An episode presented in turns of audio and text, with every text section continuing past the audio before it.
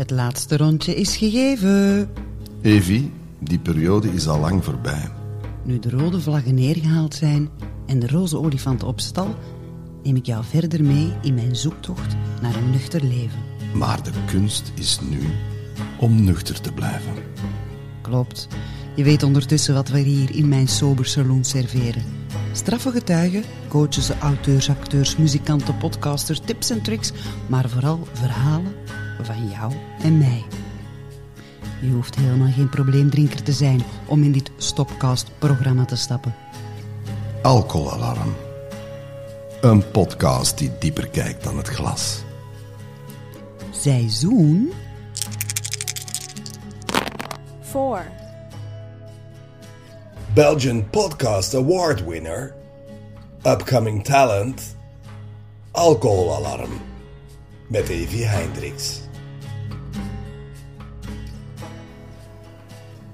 Welkom Warrior. Boom. Het jaar 2024, want 2 plus 0 plus 2 is 4. Boom shakalak. Achtzek. Het gaat knallen dit jaar en dat zul jij geweten hebben. Ja, want behalve onze kleine unieke Sober Saloon event, waar je binnenkort ook onze volgende gast aan het werk kan zien, zet ik in op een heus Action Connection event, waar jij gratis en voor niks kan bij zijn. Een alcoholalarm, een netwerkevent zeg maar. Maar dat verklap ik tijdens de aflevering van ons tweejarig bestaan, want we zijn bijna zover. En toen werd ik zelf nog eens geïnterviewd, maar dat is voor een andere keer. Nu, hocus, focus op onze gast voor vandaag. En als je denkt, dit is Magic Babe, wel dit keer geen outro, wel een klein filmpje van mijn volgende gast. Want hij liet het niet na een klein goocheltrucje uit te voeren, die je vindt natuurlijk op onze gekende socials, Instagram, Facebook, maar ook bij de shorts op YouTube en nu zelfs TikTok. Ja, ik weet het. Ik kan zelf allemaal amper volgen. Maar dit nuchtere moeke doet haar best. Ja, ja, moeke. Want er komt binnenkort weer uh, een jaartje bij op mijn teller. En niet toevallig op het uh, tweejarig jubileum van de podcast. Nadat ik een beetje gestoefd heb met mijn certificaten uh, op socials, reageerde Kees... Nou, lekker met jezelf bezig. Dat zal wel zijn. En vanuit die intentie ga ik deze aflevering opnieuw onbevooroordeeld op onderzoek wat er allemaal mogelijk is om ons te ondersteunen in onze bumpy road. En daarom duik ik nu in de wonderenwereld van de hypnose. En dat doe ik natuurlijk niet alleen, samen met mijn gast, die al meer dan 35 jaar gepassioneerd is door uh, dit uh, fenomeen hypnose. Niet alleen heeft hij meer dan 2000 boeken over dit integrerende topic, maar heeft ook een eigen hypnoseum met duizenden objecten. Zelfs een outfit is hypnotic. Maar dat hoor je zo. Maar dat kan je ook bekijken op YouTube.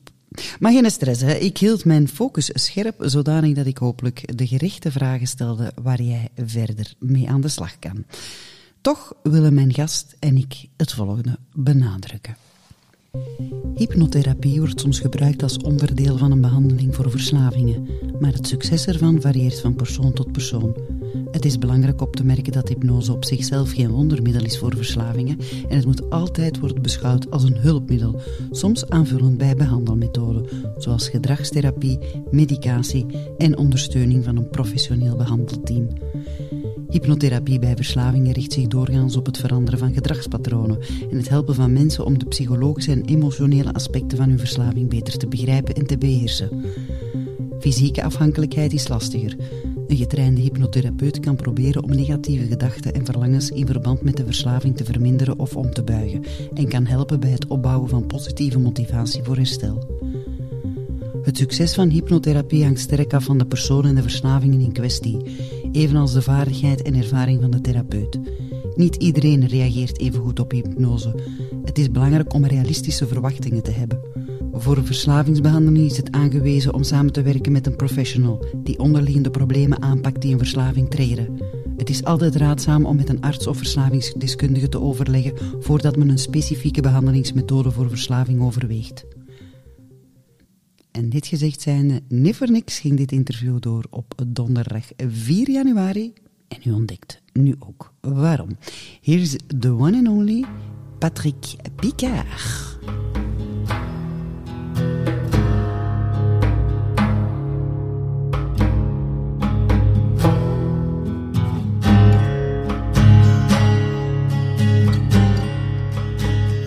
Hallo, Hallo, welkom.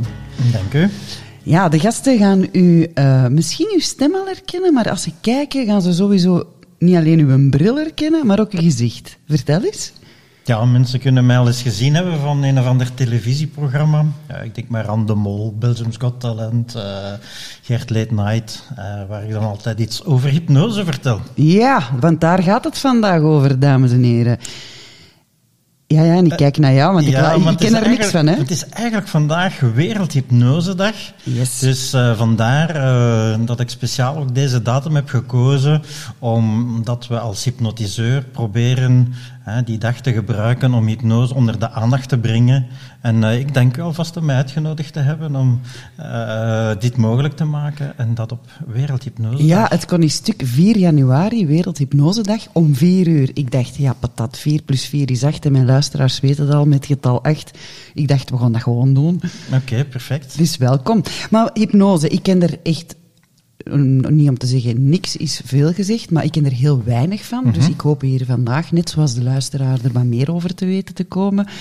Waar gaan we beginnen? Want ja, hypnose, hoe begin je eraan? Hoe ben ik er zelf aan begonnen? Ik denk dat het te maken heeft met mijn overgrootvader. Hè, ik heb heel veel verhalen over hem gehoord. Ik heb hem zelf nooit ontmoet. Maar als kind goochelde ik al. En eh, door trucjes te doen aan mijn grootouders, zeiden die vooral, ja, onze pa die kon ook goochelen, maar die kon vooral hypnotiseren. En ik denk, die verhalen die ik dan hoorde, hè, je, je bent niet op café of wat dan ook, maar die verhalen die, die zullen mij waarschijnlijk aan het denken eh, gebracht hebben van, kijk, daar moet daar toch iets van aan zijn. Dat is toch niet uit de lucht gegrepen. En mijn vader had toevallig ook een boek over hypnose liggen op zolder.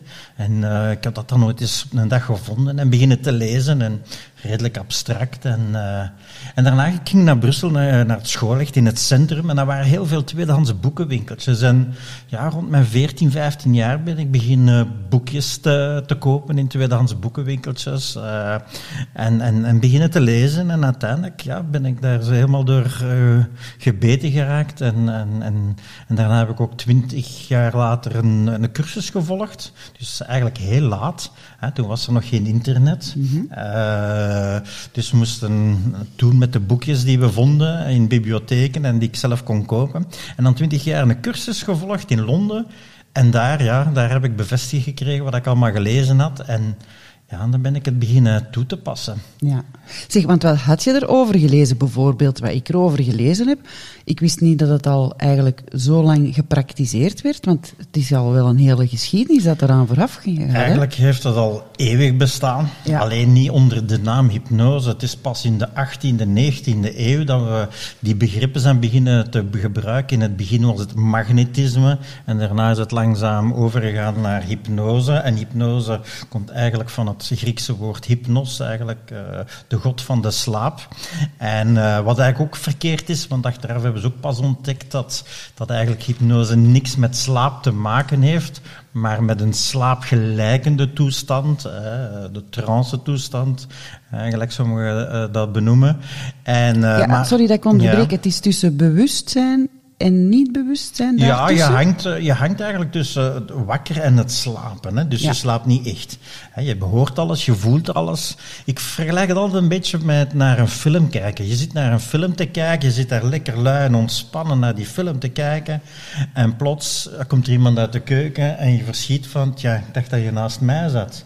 Dus je was in een soort... hè, ehm, anders bewustzijn, een eh, alternerend bewustzijn. Amai, dan ben ik veel in. Ja, eigenlijk elke mens. Ja. Als je in, dat, in de, ook een hele klassieke autobaanhypnose noemen ze dat, of wat een snelweghypnose, dat je zo in gedachten bent, een uur aan het rijden bent, auto's inhaalt, stopt, remt, eh, eh, gas geeft, van een versnelling verandert, van rijvak verandert, en plots na een uur zeg je, oei, ik moet er hier af. Ja. En toch, hè, dus je brein is ergens toch alert om die afrit eh, te kiezen, maar toch, eh, wat heb je ondertussen dat hele uur gedaan? Je weet het niet meer. Ja.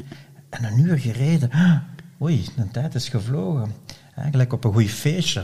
Plots ben je ook zo van, oei, is het al zo laat? Dus je tijdsbesef is anders.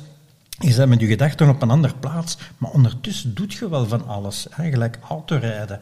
Dus, uh, en dat is eigenlijk een beetje de, de hypnosetoestand. Je bent niet bewusteloos, je bent niet doof, maar je bent uh, ja, op, in een ander soort bewustzijnstoestand. Ja, je zei het al, magnetisme, en dan zo rond de 18e eeuw, en dan is het denk ik een snel, alleen een versnelling geraakt door Freud. Of ben ik... Freud heeft er ook mee geëxperimenteerd en zo, maar was niet zo'n grote voorstander van. Hij is nee. dan in de psychotherapie uh, meer gaan uh, bekijken. Maar, uh, maar het is vooral Mesmer, de ja. Oostenrijkse Ween, arts, ja, ja. Hè, die, die daar ook een beetje, ja, ik zou niet zeggen buiten gekeken is, of dat ze zeggen van met uw alternatieve dingen. Uh, zijt je geen serieuze arts en die is dan uiteindelijk in Frankrijk terechtgekomen. En ook daar weer heb je dan mensen die ervoor waren en hè, die daardoor geïntrigeerd waren. En anderen die zeggen, ja maar dat is een charlatan of wat dan ook. En het is eigenlijk, ik zou bijna zeggen, 150 jaar later eigenlijk nog altijd niet anders. Hè. Ja, mensen zijn nog heel sceptisch daar ja, tegenover. Er zijn nog altijd mensen die zeggen het bestaat of het bestaat niet en zo. En, en er is nergens geen autoriteit op deze aarde die zegt... Hè, buiten de British Medical Society, die hebben dat in uh, 1950, de jaren 50, wel ergens als erkend als een psychologisch fenomeen, maar voor de rest in de wereld blijft dat nog altijd een, een heel moeilijk gegeven om dat te aanvaarden. Hè. Zelfs artsen, zelfs psychologen zeggen dan van ja, maar dat is niet echt en zeker niet de showhypnose, want ja, dat ziet er altijd zo heel spectaculair uit en zeggen ze het is met acteurs enzovoort. Maar, uh, maar dat is niet zo. Mensen kunnen veel sneller in hypnose gaan of ja, op een show, omdat ze daar ook voor kiezen om die hypnose te beleven. Bijvoorbeeld bij een therapie willen mensen geholpen worden. Dat is een heel andere instelling. Plus je hebt maar keuze uit één persoon. En bij een show kun je kiezen uit meerdere personen uit een hele grote groep. En dat maakt dat je statistisch redelijk mensen vindt die daarvoor openstaan. Maar het fenomeen, gelijk we het kennen van televisie, bestaat dus echt. En dat is een psychologisch fenomeen en niks bovennatuurlijks. Of wat. Nee, want ik ben dan een beetje gaan opzoeken hoe dat het onderbouwd was. En zelfs op MRI-scans konden ze zien Hè, klopt toch, hè? Ik ben toch, uh, ben toch ja. juist gaan zoeken, hè? Ja, ja, Verbeter mij als ik, als ik Ondertussen ben, zijn er inderdaad ook wetenschappelijke tijdschriften, hè, Nature of Science, uh, ik weet niet meer uit welk, maar voor een aantal jaren, dus inderdaad verhoogde activiteiten konden waarnemen in de voorhoofdkwap enzovoort. En uh, dus dat ergens wijst op die bepaalde toestand. Hè. Zelfs als je ChatGPT vraagt, dus mensen die nog altijd twijfelen, kun je eens vragen, hè, dat is onze slimme mens vandaag dag, oh wel, kunt eens vragen, bestaat uh, hypnose? En dan gaat hij zeggen, het bestaat. Dus ja. dat is wel een goede zaak.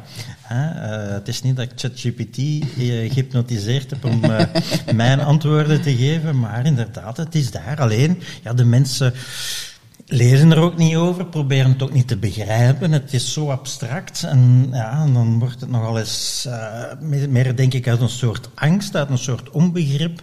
Ja, ja maar dat kan niet en, en nee. weggeduwd eigenlijk. Hè? Nee, want je haalde het al aan, de showhypnose, maar die is eigenlijk meer om te laten zien van kijk, dat is er. Want dat was heel spectaculair, ik heb u al aan het werk gezien. Uh -huh. Dat was fantastisch wat je toen deed, ik was helemaal onder de indruk. Ik had ook een beetje bang van, oei, wat gaat er nu gebeuren? Maar je hebt dus mijn dochter helemaal gehypnotiseerd. Mijn moeder zei ook daarna, dat kan niet, dat bestaat niet. En mijn dochter zei, effectief. En je hebt die zo netjes als een plank in de zaal tussen twee stoelen gelegd. Ja. Ongelooflijk. Ja, dat is een hele klassieker. Ja. Uh, dat wil niet zeggen dat je dat niet kunt zonder die hypnose. Maar het laat zien hoe dat we met, met, met het mentale, door het beeld in het hoofd te veranderen, eigenlijk de fysiek ook kunnen aansturen. En zo wordt bijvoorbeeld zelfvertrouwen aangekweekt voor sportmensen. Die denken, ja, het zijn mijn laatste Olympische Spelen en die heeft al twintig gouden medailles en die heeft er al honderd. En, en zo brengt je je mentaal een beetje omlaag. En het is juist door een ander beeld te geven van kijk, jij verdient die medaille, dat is uw medaille, je hebt ervoor getraind en die mensen zodanig in hun hoofd op dat doel te wijzen dat eigenlijk het lichaam gaat volgen. Maar je moet natuurlijk nog altijd trainen. Hè? Maar je kan geen spieren bij creëren, je kan je dochter niet meer spieren geven uh, dan dat ze nu heeft, maar kan wel haar mentaal overtuigen dat ze dit als oefening wel kan doen. Ja, want je zegt het al, eh, de blik verruimen wouden doen. En, Ja. ja. Dat is eigenlijk een beetje mijn levensmissie geworden. Hè? Want ja, ik ben eigenlijk een ingenieur van opleiding. En ehm, dus eigenlijk heel rationeel. En ik vind het eigenlijk jammer dat we eigenlijk naar, naar die 150, 200 jaar, dat dat eigenlijk, ik zou zeggen, onder de studieaandacht is gekomen, ook van artsen enzovoort. Het fenomeen bestaat al duizenden jaren, maar onder andere benamingen enzovoort. En ik vond, het vond, ik vond het eigenlijk jammer dat het eigenlijk na, na, die, na die honderden jaren nog altijd niet duidelijk is. En vandaar dat ik een beetje mijn levensmissie heb van gemaakt om ja, dat te laten zien aan mensen. Hè. Want velen denken een show is, is eigenlijk om eens goed te lachen met de mensen en ze als een kip laten, laten nadoen. Maar eigenlijk, en, en dat is eigenlijk bijna altijd zo geweest, ook bij de vroegere showhypnotiseurs, en je hebt natuurlijk altijd uitzonderingen. Wij willen gewoon showen wat hypnose is. Ja. Show is eigenlijk Engels voor het tonen, het demonstreren. Wat dat de mogelijkheden zijn. Je gaat niet u, iemand behandelen voor een groep mensen, dat behoort tot de privésfeer. Dus de enige manier om eens ervan te proeven en eens te zien hoe dat, dat werkt en wat dat de mogelijkheden zijn, is het showen. En vandaar bestaat die showhypnose, wat eigenlijk meer een een entertainende manier is om iets onder de aandacht te brengen en eens te laten zien wat dat de mogelijkheden zijn. En vandaar met die insteek, eh, ja, heb ik er een beetje mijn levenswerk van gemaakt om voor scholen te gaan eh, praten en ook hoe dat zelfvertrouwen, pestgedrag en zo ons beïnvloedt. Maar ook in bedrijven om doelen te bereiken, actieplannen te maken. Werd allemaal met een soort zelfhypnose-mechanisme. Hoe dat mensen bijvoorbeeld niet kunnen slapen, want ze liggen in hun bed en ze denken, shit, morgen moet ik eh, dit doen en dat doen en je krijgt stress. En nogthans, je ligt in je bed. Maar door je te verplaatsen in een andere wereld, krijg je dezelfde emoties. En misschien een heel bekend voorbeeld, seksuele fantasie. Je denkt dan iemand aantrekkelijks en je lichaam gaat ook reageren. En nogthans, het is maar een beeld.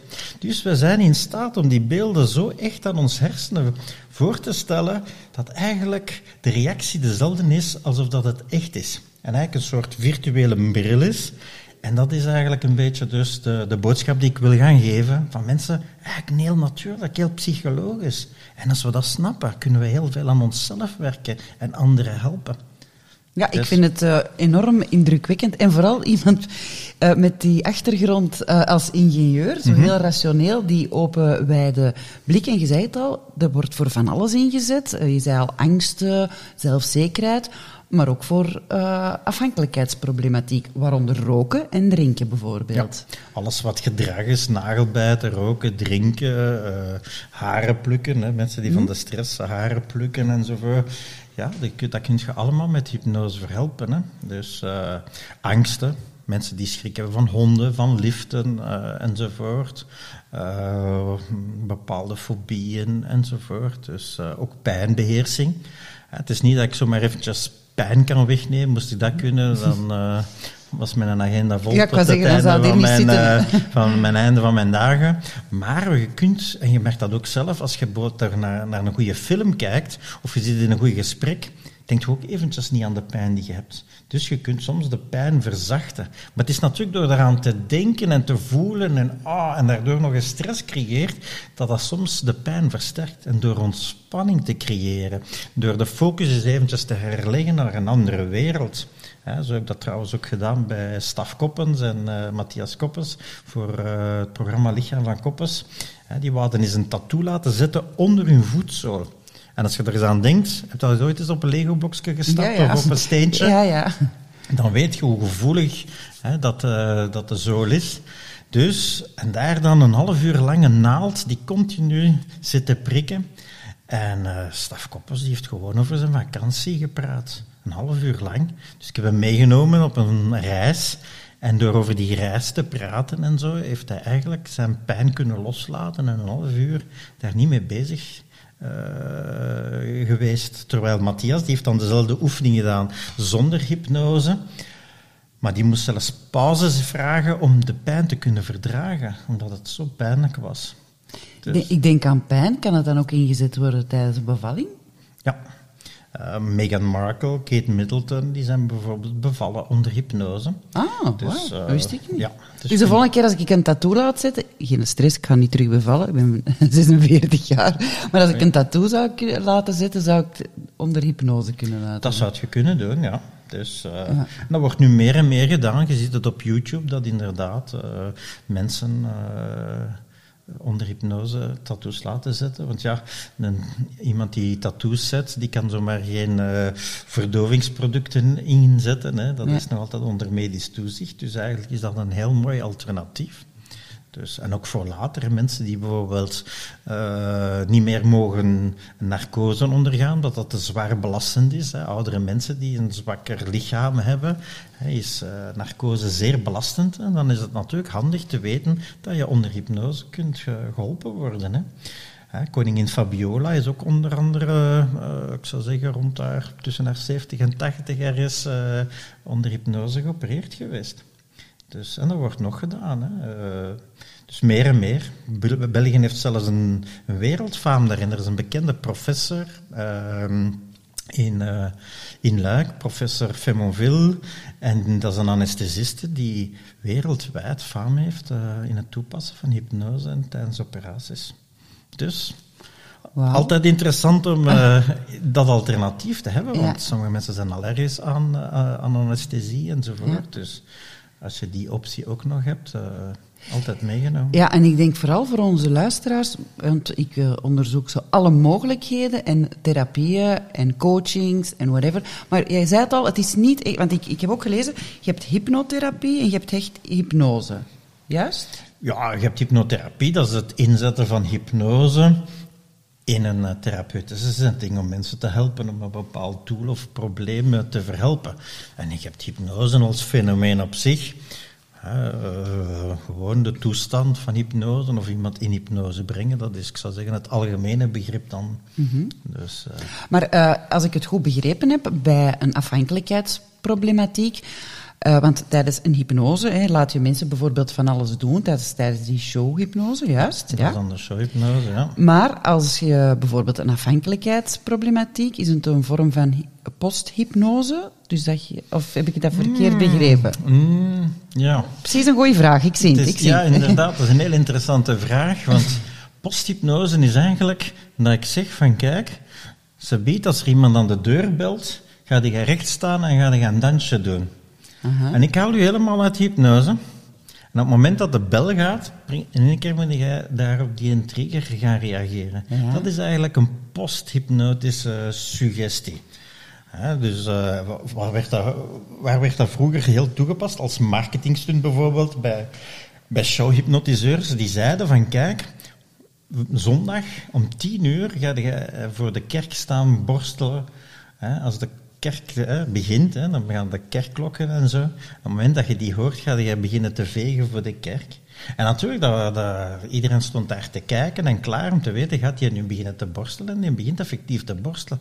Natuurlijk, dat maakte zoveel fuzz, dat eigenlijk ja, eh, mensen terug die show wilden zien enzovoort. En zo had je dat als eh, manier om, om uw show te promoten. Hè. Houdini ging vroeger aan een kraan hangen om te zeggen, ik ben in de stad en kom naar mijn show kijken. Wel, showhypnotiseurs gebruikten dat, of winkel- of etalagehypnose, waar dat ze bijvoorbeeld iemand urenlang in een etalage leggen van een winkel en dan onder hypnose eh, laten slapen, om zo eh, promotie te maken voor de, voor de show. Maar om eventjes op uw vraag terug te komen, hè, die, die posthypnotische suggestie, het is niet zo dat je als iets lang moet werken, Bijvoorbeeld ook stoppen met roken. Hè, dan is het niet dat je eeuwig onder hypnose bent van "Ah, ik ben gestopt met roken, want je zou zeggen dat moet blijven hangen hè, de rest van je leven. Nee, we gaan eigenlijk het brein heropvoeden onder die hypnose.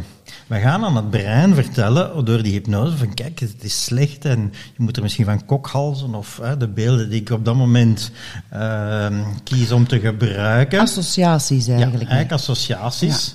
Ik geef altijd het voorbeeld als eh, cliënten bij mij komen. Je hebt twintig jaar met een, met een auto gereden, je hebt een ongeluk gehad en je durft niet meer met je auto te rijden. Je hebt 30 jaar op je paard gereden, je valt van je paard, het is gelukkig goed afgelopen en plots, je durft niet meer op dat paard te kruipen. Wat, want wat heeft dat brein besloten? Ja, maar wie weet loopt het erger af de volgende keer. Dus die gaat u tegenhouden. Bewust zegt je, ik wil terug op mijn paard, ik wil terug in die auto stappen. Maar uw angst, hè, uw onderbewustzijn, die denkt, ja, maar dat gaat hier misschien volgende keer slechter aflopen. En die houdt u tegen om dat nog te doen. Dat is eigenlijk een soort overbescherming. Dus hoe gaat je dan iemand overtuigen om op dat paard te kruipen? Nou wel, met hypnose gaat bijvoorbeeld zeggen, in de stoel, hè, zet je in de stoel, sluit je ogen en je zet terug aan het paard rijden. En dat brein weet niet, ben ik nu echt aan het paardrijden of denkbeeldig? Die denkt dat hij aan het paardrijden is, omdat je het beeld zo sterk kunt voorstellen, ja, gelijk een virtuele bril, zodat dat brein zegt, oh maar kijk, ik ben niet gevallen van mijn paard. En dat was eigenlijk wel zalig terug. En dat haalt al die 20 jaar of 30 jaar ervaring terug erbij en, en je geniet terug. En kijk, en je bent niet gevallen. En dat begint zich terug gerust te stellen. Hetzelfde met een auto. Het omgekeerde gebeurt dan ook bijvoorbeeld bij, uh, bij het eten. Je hebt mosselen gegeten van ene. Je hebt miljoenen mosselen gegeten, maar van die ene zijn de doodziek. Vijf minuten in de wc gehangen enzovoort. En omdat uw brein... En daarna zeg je, ik heb een digo. Als ik nog maar aan een mosselding word ik al misselijk. Ah, wel, ja. Dus dat is ook weer een overbescherming van... Ja, maar volgende keer gaat het misschien slecht aflopen als je nog eens een mossel eet.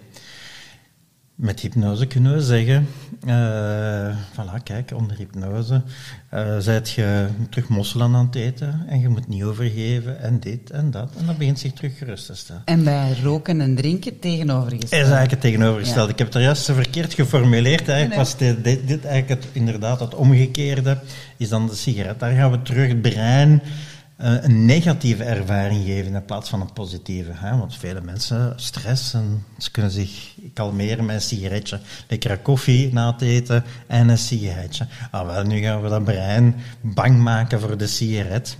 En dan halen we die hypnose weg. Maar je brein zit nog altijd in je lichaam. Hè? Maar het heeft iets nieuws geleerd door die hypnose. Eigenlijk is hypnose een soort beeldsimulator. En we gaan nu een negatieve ervaring geven aan dat brein. En dat brein weet niet, is dat nu echt of niet echt? Maakt daar een nieuwe conclusie, hopelijk dan uit, van kijk, oh nee, is dat een sigaret? Oh nee, nooit nog.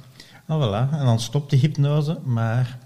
Dus dat is geen posthypnotische suggestie, want dat wil zeggen de hypnose blijft werken. Nee, hmm. wij hypnose gebruikt als hulpmiddel om het brein, brein te gaan heropvoeden. U spreekt nu veel over het roken, maar kan ook bij drinken. Dat kan bij drinken en zo.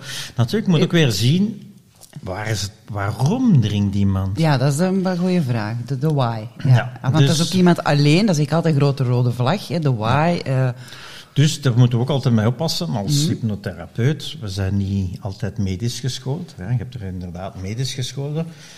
Maar sommige mensen zijn beginnen te drinken om een bepaalde reden. Een bepaalde problematiek die ze in het verleden of als kind hebben meegemaakt. En natuurlijk, dat ook moet een juiste plaats krijgen. En dat is misschien nooit niet juist verwerkt gekregen. Eh, verwerkt geweest. Ja, en dan is natuurlijk be belangrijk dat dat ook onder de aandacht komt. Uh, en niet zeggen van kijk, je stopt nu met drinken. Nee, nee, je moet altijd proberen zoveel mogelijk naar de bron van het probleem te gaan. En dan kan het soms zijn dat het niet meer onze bevoegdheid is. Dus dat moeten we altijd bekijken in, uh, ik zou zeggen, in het intakegesprek. Of ik werk met een formulier dat ik weet van, kijk, is dat iets voor mij of zit er iets veel meer eh, of iets ja. diepgaander? En dan ga ik die proberen eerst bij te sturen en naar een andere alternatief. Uh, Vind ik heel sterk, want uh, dat zeg ik altijd, de kunst van het doorverwijzen is heel belangrijk als hulpverlener. Eender wat je doet en niet iedereen heeft dat in zich en denkt altijd, oh, ik ga het hier even oplossen. Want het gevaar, dat, dat, dat, de vraag dat, dat ik daarom stel is ook, hè, de why is belangrijk, soms moet je doorverwijzen. Uh, want het zou ook kunnen dat bijvoorbeeld stoppen met drinken of stoppen met roken, maar als je de why niet aanpakt, dat het probleem zich verlegt. Hè? Mensen die probleem roken om een bepaalde stress, van waar komt de stress? Die beginnen bijvoorbeeld aan te snoepen of wat dan ook. Maar ja, dan hebben ze weer een ander probleem. En, en dan is de vraag, ja, waarom moet je dan snoepen? Soms hebben ze een bezigheid nodig. Misschien hebben ze geen hobby's.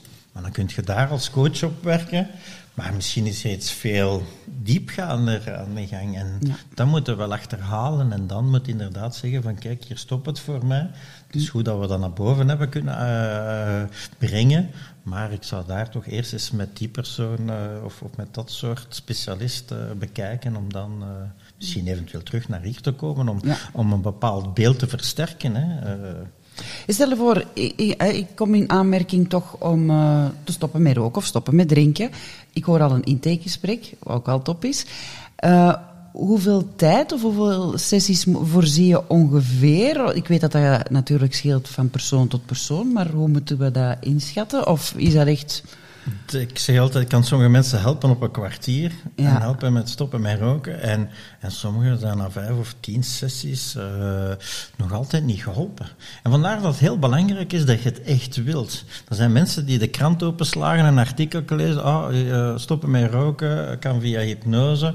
En die denken impulsief van, oh, ik ga dat even doen, maar hebben nog nooit bij stilgestaan van, willen ze wel stoppen met roken? Ja. Wat zouden de voordelen zijn? Waarom willen ze dat? Is het omdat ze denken dat het een carwash is, dat je even bij de hypnotiseer binnen gaat en stopt met roken en, en terug buiten wandelt? Nee, hè, daar, moet een diepgaandere, eh, ik zou zeggen, betekenis achter zitten. En dat is wel heel belangrijk voordat je eigenlijk naar een hypnose gaat. Mocht je de beste in hypnose zijn en op een show, eh, ik zou zeggen, alles doen wat er daar gezegd wordt, het kan zijn dat dat die persoon niet wil stoppen met roken. En ik heb een echt een heel typisch voorbeeld, eh, en dat is ook effectief eh, gebeurd. Een bedrijfsleider, die, die rookte, en eh, die wilde stoppen met roken. En die kwam bij mij, ging heel goed in hypnose, en toch slaagde hij er niet. Ik kon een paar dagen volhouden, maar na een tijd begon hij toch terug te roken. En na nog eens erover te praten en zo, kwam het erop neer dat hij eigenlijk heel veel over zijn bedrijf leerde in de rokersruimte van het bedrijf. Dus hij ging altijd in- mee in de rokersruimte zitten en dan is de baas daar een beetje bij. Dat is wat informeel. En voor hem, voor zijn bedrijf te besturen, was altijd heel waardevolle informatie van hoe dat mensen ja, denken en praten en hoe ja, het bedrijfsleven eh, soms Ja, een beetje eh, informeel eh, verloopt en zo. En waarschijnlijk was dat voor hem een belangrijkere factor die pri- primeerde aan zijn gezondheid. Hè? Want als je wilt stoppen met roken, meestal is dat een gezondheidsmotivatie die daarachter zit. Dus was voor hem een hoger belang dan het eh, gezondheidsaspect. En, en dat maakt dat hij er zomaar niet in slaagt. Dus hij moet eerst overtuigd geraken van of een andere manier vinden om datzelfde, eh, diezelfde kennis van zijn bedrijf in een andere vorm te weten te komen of, of te kennen. En eh, om dan, eh, dan echt effectief te kunnen stoppen met roken. Hè. Ja. Dus vandaar, hè, sommige mensen hebben, weten het zelfs niet. Ze kunnen stoppen met roken, ze willen dat, maar soms is het een sociaal gegeven, want ze hebben allemaal vriendinnen met wie dat ze misschien ergens altijd op het terrasje gaan zitten en lekker kletsen en ze roken allemaal buiten. Ja, als je dat sociaal contact gaat missen, kan dat zijn dat je toch niet stopt met roken, omdat je dat moment zo belangrijk vindt. Dus eh, dat is Ja, wel dat heel belangrijk te achterhalen. Dat is een groot issue ook voor mensen die stoppen met drinken, die zich dan een beetje hè, verloren voelen in gezelschap waar er wel gedronken wordt. En Ah, dan ja. niet de afweging moeten maken van Ja. om het vol te... Want iedereen kan stoppen met drinken. Hè? De kunst is om het vol te houden. Hè? Dat Ja. is het. Hè? En, en, en ook daar, hè, eh, ook, eh, dat bouw ik ook altijd bijvoorbeeld in in mijn sessies, dat mensen altijd respect hebben voor diegenen die nog altijd roken.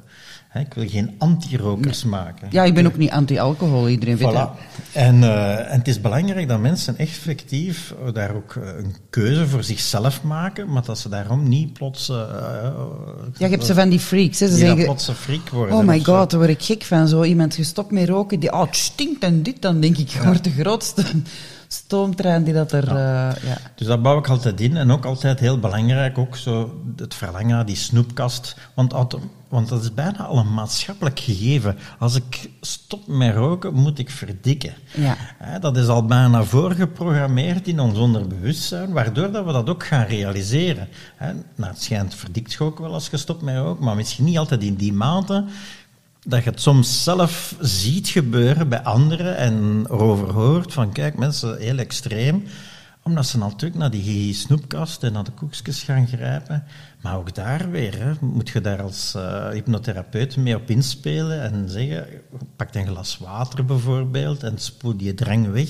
Hè, want het zijn meestal die eerste dagen, de eerste weken die het moeilijkste zijn voor de, diegenen die willen stoppen dus daar probeer ik meer in te bouwen. En dan is het belangrijk te weten, ja, maar waarom willen ze toch nog altijd vluchten? Of wat ontbreekt er in hun leven?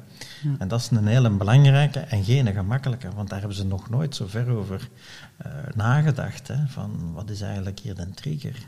Ja, boeiend. Ik las ook iets van zelfhypnose. Ja. Wat, uh, zou ik mijn eigen kunnen hypnotiseren?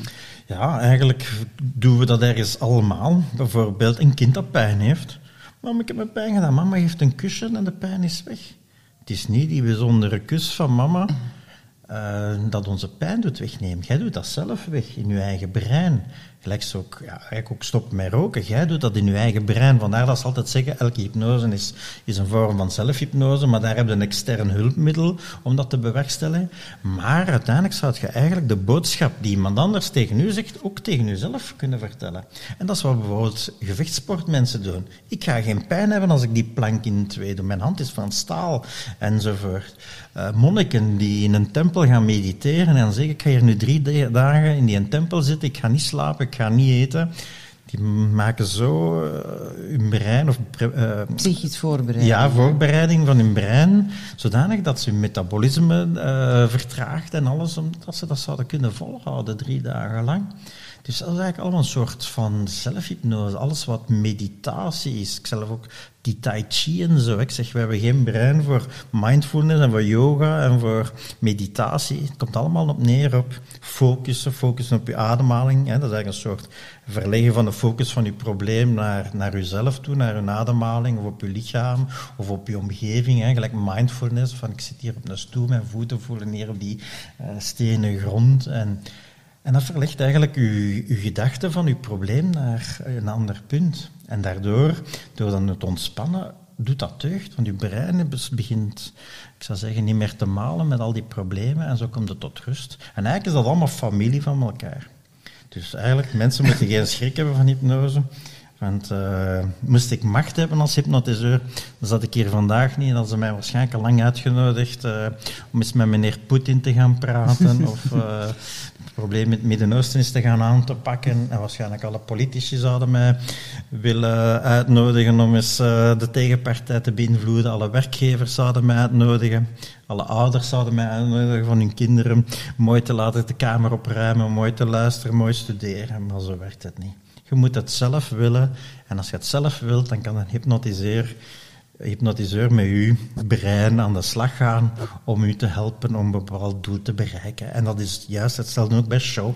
Dat zijn mensen die graag eens willen meemaken wat is...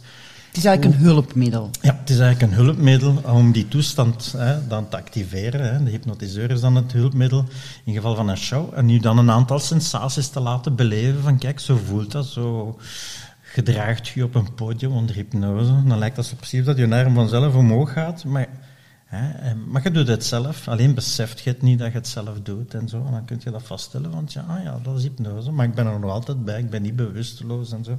Dus, uh... Straf. Ja, ja, ja. Ik vind dat het goed aansluit op onze vorige aflevering, ging over mediteren. Ik dacht, ah, nog weer al eens een, een stapje verder eigenlijk. Want eh, meditatie, dat, ik, mediteren ook klinkt soms heel spiriwiri, maar dat is het totaal niet. Dat hebben we de vorige keer besproken. En ook dit. Uh, ik vind dat zo wel nog wat meer onder de aandacht. Uiteraard ga jij mij hier helemaal in bijstaan.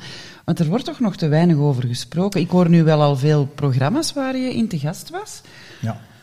Maar natuurlijk, ja, voor velen, en dat is ook het moeilijke voor programmamakers, en dat ziet je ook, uh, vooral dan in uh, Noord-Europa, in Zuid-Europa, Frankrijk, begint dat helemaal los te komen.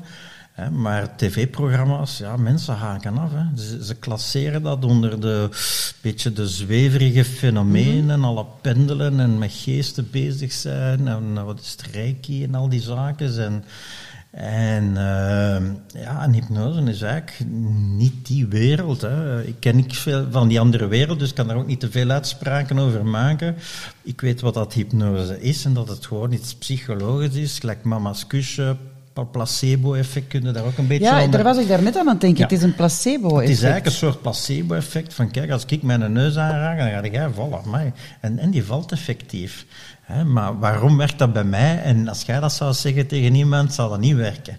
Ja, dat is zelden als het, het verband tussen, eh, of het- de band die een kind heeft met zijn moeder. Als de kleine zegt, mama, ik heb me pijn gedaan, mama geeft dat kusje, dan gaat die pijn weg. Als iemand anders dat kusje geeft, gaat misschien die pijn niet weg. En mama is bijzonder in de beleving van het brein van dat kind. En daardoor werkt dat al wel. Zo creëert een hypnotiseur een band en, eh, met zijn deelnemer of met zijn cliënt om dat brein te kunnen aansturen. Maar er is nu ook al wel een, eh, voor de eerste keer, denk ik, vorig jaar een hypnosebeurs georganiseerd. Ja, in mei. dus dat was in Gent. En, Ja. eh, dus dat is het eerste congres. En ook dit jaar in eh, mei zal er een Ja. hypnotic congres. Hypnotic. Hè? Ja. ja. En, eh, en voilà, ik zal ook van de partij zijn. Oké, Dus- en wat mogen we er nog verwachten? Want ik was er niet bij vorig jaar. Dus Nele, eh ligt maar al een ticketje klaar. Ik kom dit Ja. jaar eens langs. Ik ben heel benieuwd. Maar er zullen allerlei sprekers zijn die over hypnose eh, komen praten. Het programma is nog niet opgemaakt, dus ik kan het zelf niet beoordelen. En wat was vorig jaar dan bijvoorbeeld? Goh, dat ging over... eh, Kom aan, maak ons warm, hè, Patrick. Ik, eerlijk gezegd, ik was er zelf ook niet. Ik was, Ah, eh, oei. ik was zelf eh, niet in België, maar ik was bijvoorbeeld wel op een congres in, in Londen en in Je kunt Las niet Vegas. overal tegelijk zijn, Nee, hè. Maar je hebt daar alle soorten disciplines. Dat gaat over pijnbeheersing, eh, mensen helpen, zelfhypnose, ja, allerlei nieuwe technieken, snelhypnose, fast inductions, gelijk ze dat soms noemen. Hè, dus om mensen snel in hypnose te krijgen, zodat de cliënt nog sneller geholpen wordt. Hè. Het moet Maar- ook allemaal wel efficiënt eh, gebeuren tegenwoordig. Hè. Maar Eh, snel hypnose, want als je dat op een show doet, dat is toch ook al vrij snel? Dat is, ja, ja, dat is het. Hè. Maar Ja. in de praktijk is dat meestal heel, hè, dan noemen ze progressieve relaxatie. Dan Oké. is dat een mens laten ontspannen van kijk, vijf, ontspan je schouders en dan zo aftellen. En dat kan soms tien minuten, misschien tot een half uur duren. Terwijl dat er hele snelle technieken zijn waardoor mensen in enkele seconden in hypnose gaan. En die worden natuurlijk veel toegepast in de showhypnose, maar die niet zo bekend zijn in de therapie, omdat dat ook zo niet echt daar thuis hoort. Mensen, ja, mij zo op de grond gooien of dit of dat, dat, dat, past daar precies niet. Maar ja, de maatschappij wordt sneller, alles moet vlotter gaan. En ook daar beginnen ze nu te ontdekken dat eh, snelle inducties ook mogelijk worden in de therapie. Waardoor dat we ook sneller kunnen werken met de cliënt, hè, een keer dat hij in die hypnose is. Dus ook daar is er tijdswinst. Hè. Want ja, een van uw vragen daar straks, daar zijn we eigenlijk niet verder op ingegaan, eh, of ik dan toch niet, ehm, was hoeveel sessies heeft iemand nodig? Ja, ik, gelijk ik zei, sommige mensen een kwartier, sommige meerdere sessies.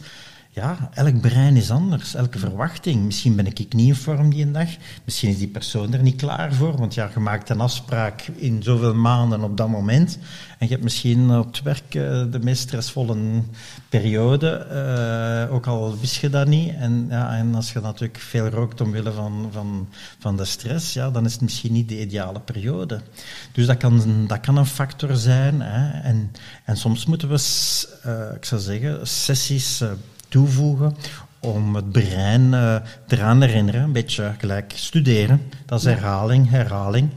En, eh, maar je hebt soms hypnotherapeuten die zeggen, voor dit of deze behandeling moet je tien sessies doen. Dat vind ik een beetje vreemd, want hoe weet je op voorhand je hoeveel niet, sessies dat die persoon gaat nodig hebben? Dat is goed voor de portefeuille van die therapeut, maar voor, eh, voor de persoon zelf, ja, dat kan misschien, ik zeg het, eh, sommige mensen zijn op een half uur, op een uur met één sessie geholpen.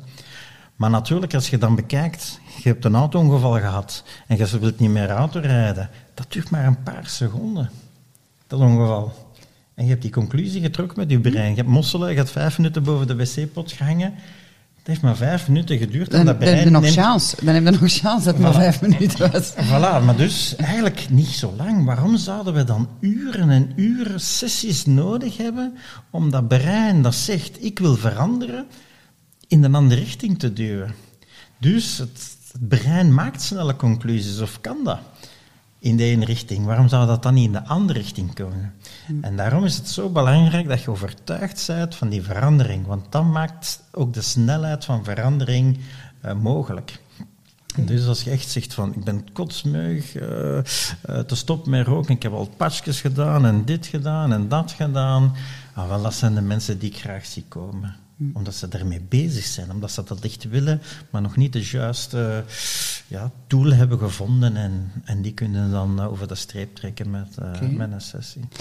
Even over het technische, want iemand in hypnose, dat gaat in verschillende fases. Ik, ik las zo, pas op, hè, ik ben geen specialist. Hè. Misschien vraag ik nu te veel. De eerste fase is inductie en dan gaat je verdiepen. Oh, ik heb mensen die heel snel in hypnose en heel diep gaan, ja. zonder dat je dat zelf weet of uh, ziet. Uh, hè, dat je, sommige mensen gaan direct in een echte slaap. Dat je, ja. tegen, dat je bezig bent en, en, en, uiteindelijk die hebben niks gehoord, niks, want ze waren echt aan het slapen omdat ze zo moe zijn. Maar natuurlijk geprobeerd, eh, en dat doet je ook, je doet ook tussendoor wat testjes, of dat ze reageren, of dat ze je horen natuurlijk. En dan weet je op welk niveau dat ze zijn, en dan moet je ze verder nemen het juiste niveau, om dan, uh, ik zou zeggen, de beelden die je dan tijdens het intakegesprek uh, opvangt en, en gaat gebruiken. Allee, zo werk ik toch. Hè. Ik probeer het altijd op maat te maken van, van de persoon zelf en niet een standaard tekstje uit een boekje af te lezen. Hè. Door het intakegesprek weet ik wat is de leefwereld van die persoon en om daar op in te, te, pikken en, en, en die beeldtaal te gebruiken. En, uh, ja, en daarvoor moet het op de juiste temperatuur zijn. En via aan de hand van testjes en, en, en, bijkomende, ik zou zeggen, verdiepingstechnieken brengt je die persoon op de juiste temperatuur. En hoe weet je of iemand uit hypnose echt is? Of weet je dat eigenlijk nooit helemaal zeker? Goh, dat is een hele goede vraag, maar ja, dat, dat, dat is al heel technisch en dan zal al iets moeten over hypnose kennen om dat te weten. Maar eigenlijk, of dat je dat nu laat stoppen of niet, eigenlijk kun je direct die persoon terug in hypnose brengen. Dat is altijd natuurlijk grappig na een show. Mensen die dat meegedaan hebben, ook al hebben gezegd van kijk, nu stopt het en zo, die moeten maar bij wijze van spreken tegen blazen, die gaan daar terug in. Dat ze nog in die sfeer zitten. En, en dat daar nog altijd die mensen rond zijn. Ze voelen zich veilig, ze hebben het juist gedaan, dus waarom zouden ze het niet? En dan lijkt het dat die altijd terug in hypnose kunnen gaan. Maar zou ik die op straat tegenkomen, ergens op vakantie of waar ik zou in mijn vingers knippen, dan zal het waarschijnlijk niet lukken. Dus die hypnose blijft soms bestaan. Dat sluimert zo nog wel. Dat sluimert, die sfeer, zeker als het dan een heel prettige ervaring is, want voor vele mensen is dat eigenlijk een hele prettige ervaring. Je hebt mensen die daar zelfs terugkomen naar die shows, niet om te kijken, maar om het nog eens mee te maken, omdat het eigenlijk iets uh, doet met hun brein, dat ze prettig vinden. Uh, en... Uh, ben ik met een draad aan het verlezen. uh, dat, dat, dat, dat, Dus, uh, Hoe weet je dat? Hè? Uit hypnose? Ja, maar dat, uh, dus dat ze terug die toestand snel activeren. Maar soms is het belangrijk... Ik had, ik had u gehypnotiseerd. Ja, waarschijnlijk. Sorry, niet onderbreken terug. Nee, nee. Ik was zo meegetrokken. maar dat is inderdaad ook een soort hypnose. Hè? Dat je pot zo vastpint op een andere ja. gedachte, ja. dat je daardoor vastzit en je kunt niet meer losrukken en naar je, naar je begin teruggaan of naar dat wat je wilt zeggen. En, uh, maar soms is het belangrijk voor die mensen om te zeggen van, hier stopt het nu. Als je hier buiten de zaal gaat, als je hier buiten gaat, voelt je helemaal goed en prima enzovoort. Dus daarom dat ik ook altijd met de mensen nog eventjes na de show napraat enzovoort, om te weten van... Want ja, mensen vinden dat eigenlijk... Ja, voor sommigen is dat echt verslavend. Willen ze daar terug in kruipen. En dan uh, lijkt dat dat ze er niet uit geraken en zo. Maar ook daar, uh, mensen kunnen er niet in blijven hangen. Maar als dat prettig is, ja, waarom zou dat niet? Waarom drinken we soms graag? Omdat we dat prettig voelen en die toestand willen onderhouden. En waarom willen we nog een sigaret en nog een sigaret? Waarom willen we ja, maar ik hoorde net zeggen, het, is, het kan verslavend zijn om onder hypnose te zijn. Is het ook een vorm van vlucht van de realiteit? Voilà, inderdaad, daar zou je ook de vraag kunnen stellen, waarom willen de mensen dat beleven? Maar dat doet elke film ook. Hè. Mensen die graag naar de cinema gaan, naar, de, naar een concert gaan. Je vergeet op dat moment uw werk, uw school, uw examens ja. enzovoort. Dat is allemaal een soort vlucht. En dat op zich wat heel belangrijk is. Vandaar dat ik het ook altijd zo heel belangrijk vind dat mensen hobby's hebben. Want het leven is niet altijd roze geur en maneschijn. Hè? Het is altijd, uh, ja, er komen moeilijke periodes, ziektes, uh, problemen thuis, op het werk en zo tegen. En dan is het goed om een evenwicht te hebben door eens inderdaad naar een film te kunnen gaan of naar een, naar een concert te gaan en eens goed mee te schrijven enzovoort. Maar mensen die daar niks tegenover kunnen zetten, die blijven altijd in dat negatieve. En dat maakt het soms ja, zwaar voor hen. En, en soms is dan ook niet, ja, kost dat geld, concerten en zo. Dus het is niet altijd even gemakkelijk, uh, ik zou zeggen, zomaar een tegengewicht uh, te, te vinden. Maar het is wel belangrijk, want ja, ik merk toch dat ook mensen die bij mij komen, ja, die dikwijls een bepaald probleem hebben, dat die weinig hobby's hebben. Ja, maar, ja. ja, want dat is ook de uitdaging. Want mensen verschieten ook als ze stoppen met drinken hoeveel tijd dat er vrijkomt. En dan zeggen ze, ja, maar dat kost geld. En dan zeg ik, ja, en hoeveel geld deed je op aan uw drank? Allee, dat is, dat is heel cru, maar dat is heel hard. En dan is het, ah ja, oké. Maar als je elke avond op café zit of whatever, je doet 50 euro op, ja, ja. daar kun je al in een week iets heel schoon mee doen natuurlijk. Ja, inderdaad. Hè. En dat ja. zal er met roken en met heel veel van die zaakjes. Hè. Ja. En, en er zijn ook hobby's die je hè, gaan wandelen. Is, kan ook al iets leuks zijn, dat heel ontspannend is voor het brein enzovoort. Hè. Maar je moet natuurlijk ja, iets graag doen. Als je moet naar buiten sleuren om te gaan wandelen, ja, dan kun je dat moeilijk een hobby noemen. Maar soms moet ook iets leren. Hè. Het is misschien, je hebt mensen die moeten leren lopen en na een tijd zijn ze het zo gewoon dat ze niet meer kunnen stoppen met lopen. Mag het een tien zijn, een twintig die daar plots verslaafd aan geraken. Hè. Dus soms moeten mensen nog eens even door die comfortzone geraken, hè, of uit hun comfortzone geraken, maar daardoor breken uit, dat, uit die, die grens van, ah, dat is ambetant en ik ga dat nu niet doen, want ja, het is zo koud buiten. Nee, doe dat. Haal die discipline naar buiten en dan zo verruimt je je comfortzone. Zou jij mij kunnen hypnotiseren? Allee, of zou jij dat kunnen toepassen, zodanig ik keihard goesting krijg om altijd veel te lopen? Dat, dat kan. Ja? Dat kan. Maar je moet natuurlijk dat als doel hebben. Hè? Ja. Niet van, ah kijk, oh, de Patrick is hier, dat gaat nu even. Dan is dat nee. een beetje te impulsief. Maar als je zegt, ik impulsief? Nee. nee. nee. maar dat is wel een belangrijke. Hè? Dat je echt zegt van, ik ben al daar en kijk, ik krijg me niet bij. Dat je daar echt mee bezig ja. bent. Ik krijg me echt niet buiten en nogthans, ik zou het moeten doen. En ja, voilà. Dan kan ik uh, daar zeker bij helpen. Maar als het nu is van, oh, hoe kan dat helpen? En nee, nee, nee. Patrick, uh, doe maar. Dan dat kan dat helpen, maar misschien is het dan even omdat het nu die context is, die sfeer er is. En, maar niet omdat dat... Uh, niet, ik vroeg het mij gewoon af, maar ja. bijvoorbeeld met de kinderen die elke dag met een hond gaan wandelen een uur, zou fantastisch zijn. Hè? Ja, voilà. Nee, maar het is Heb je het al toegepast in uw omgeving? Zo, uh, dat je denkt van, dat zou helpen? Hoe bedoelt dus je in mijn omgeving? Ja, ik wil zeggen, dat is misschien een heel persoonlijke vraag, dat je een partner had of dit of dat, dat je zegt van, ah, oh, we gaan daar hypnose voor uh, gebruiken? Mm, Misschien een raar vraag, hè? maar daarvoor ben ik hier. Hè? Ja, ja, maar ik ben eens even aan het denken of dat ik dat trekt in mijn omgeving. Maar ik was ooit eens dan op een familiefeestje en waren spruitjes. Ja. En één persoon, nee. geen spruitjes. En dan vroeg er iemand, ja, kun je dat niet met hypnose? Ik zeg, ja, als je dat zelf wilt. En ja, die persoon zei, ja. En uh, even apart genomen en, en gezegd van, kijk, die spruitjes zijn heerlijke bitterballetjes. Oké. Okay. En boven de spruitjes waren op. Geweldig. Ja. Zo, dat is, maar ja, dat is natuurlijk, ik zou zeggen, half speelse activi- allee, uh, mm -hmm. oefening op dat moment. Uh, maar natuurlijk, ja, dat brein leert ook dan, die, echt, die, die, die registreert natuurlijk ook de smaak van, van de spruitjes. Dus die gaat misschien ook zeggen van, ja, uiteindelijk was het toch niet zo erg. En wordt daarin gerustgesteld. Ja, ook een heel mooi voorbeeld dat ik ooit eens had uh, bij, bij een tandarts. was een uh, jongen van acht jaar en uh, die maakte continu abscessen. Maar die had zo'n uh, schrik van, van de tandarts dat hij daarmee vocht en alles. En, ja, en die moest eigenlijk onder vo volledige narcose behandeld worden. Maar de wachtlijst was drie maanden.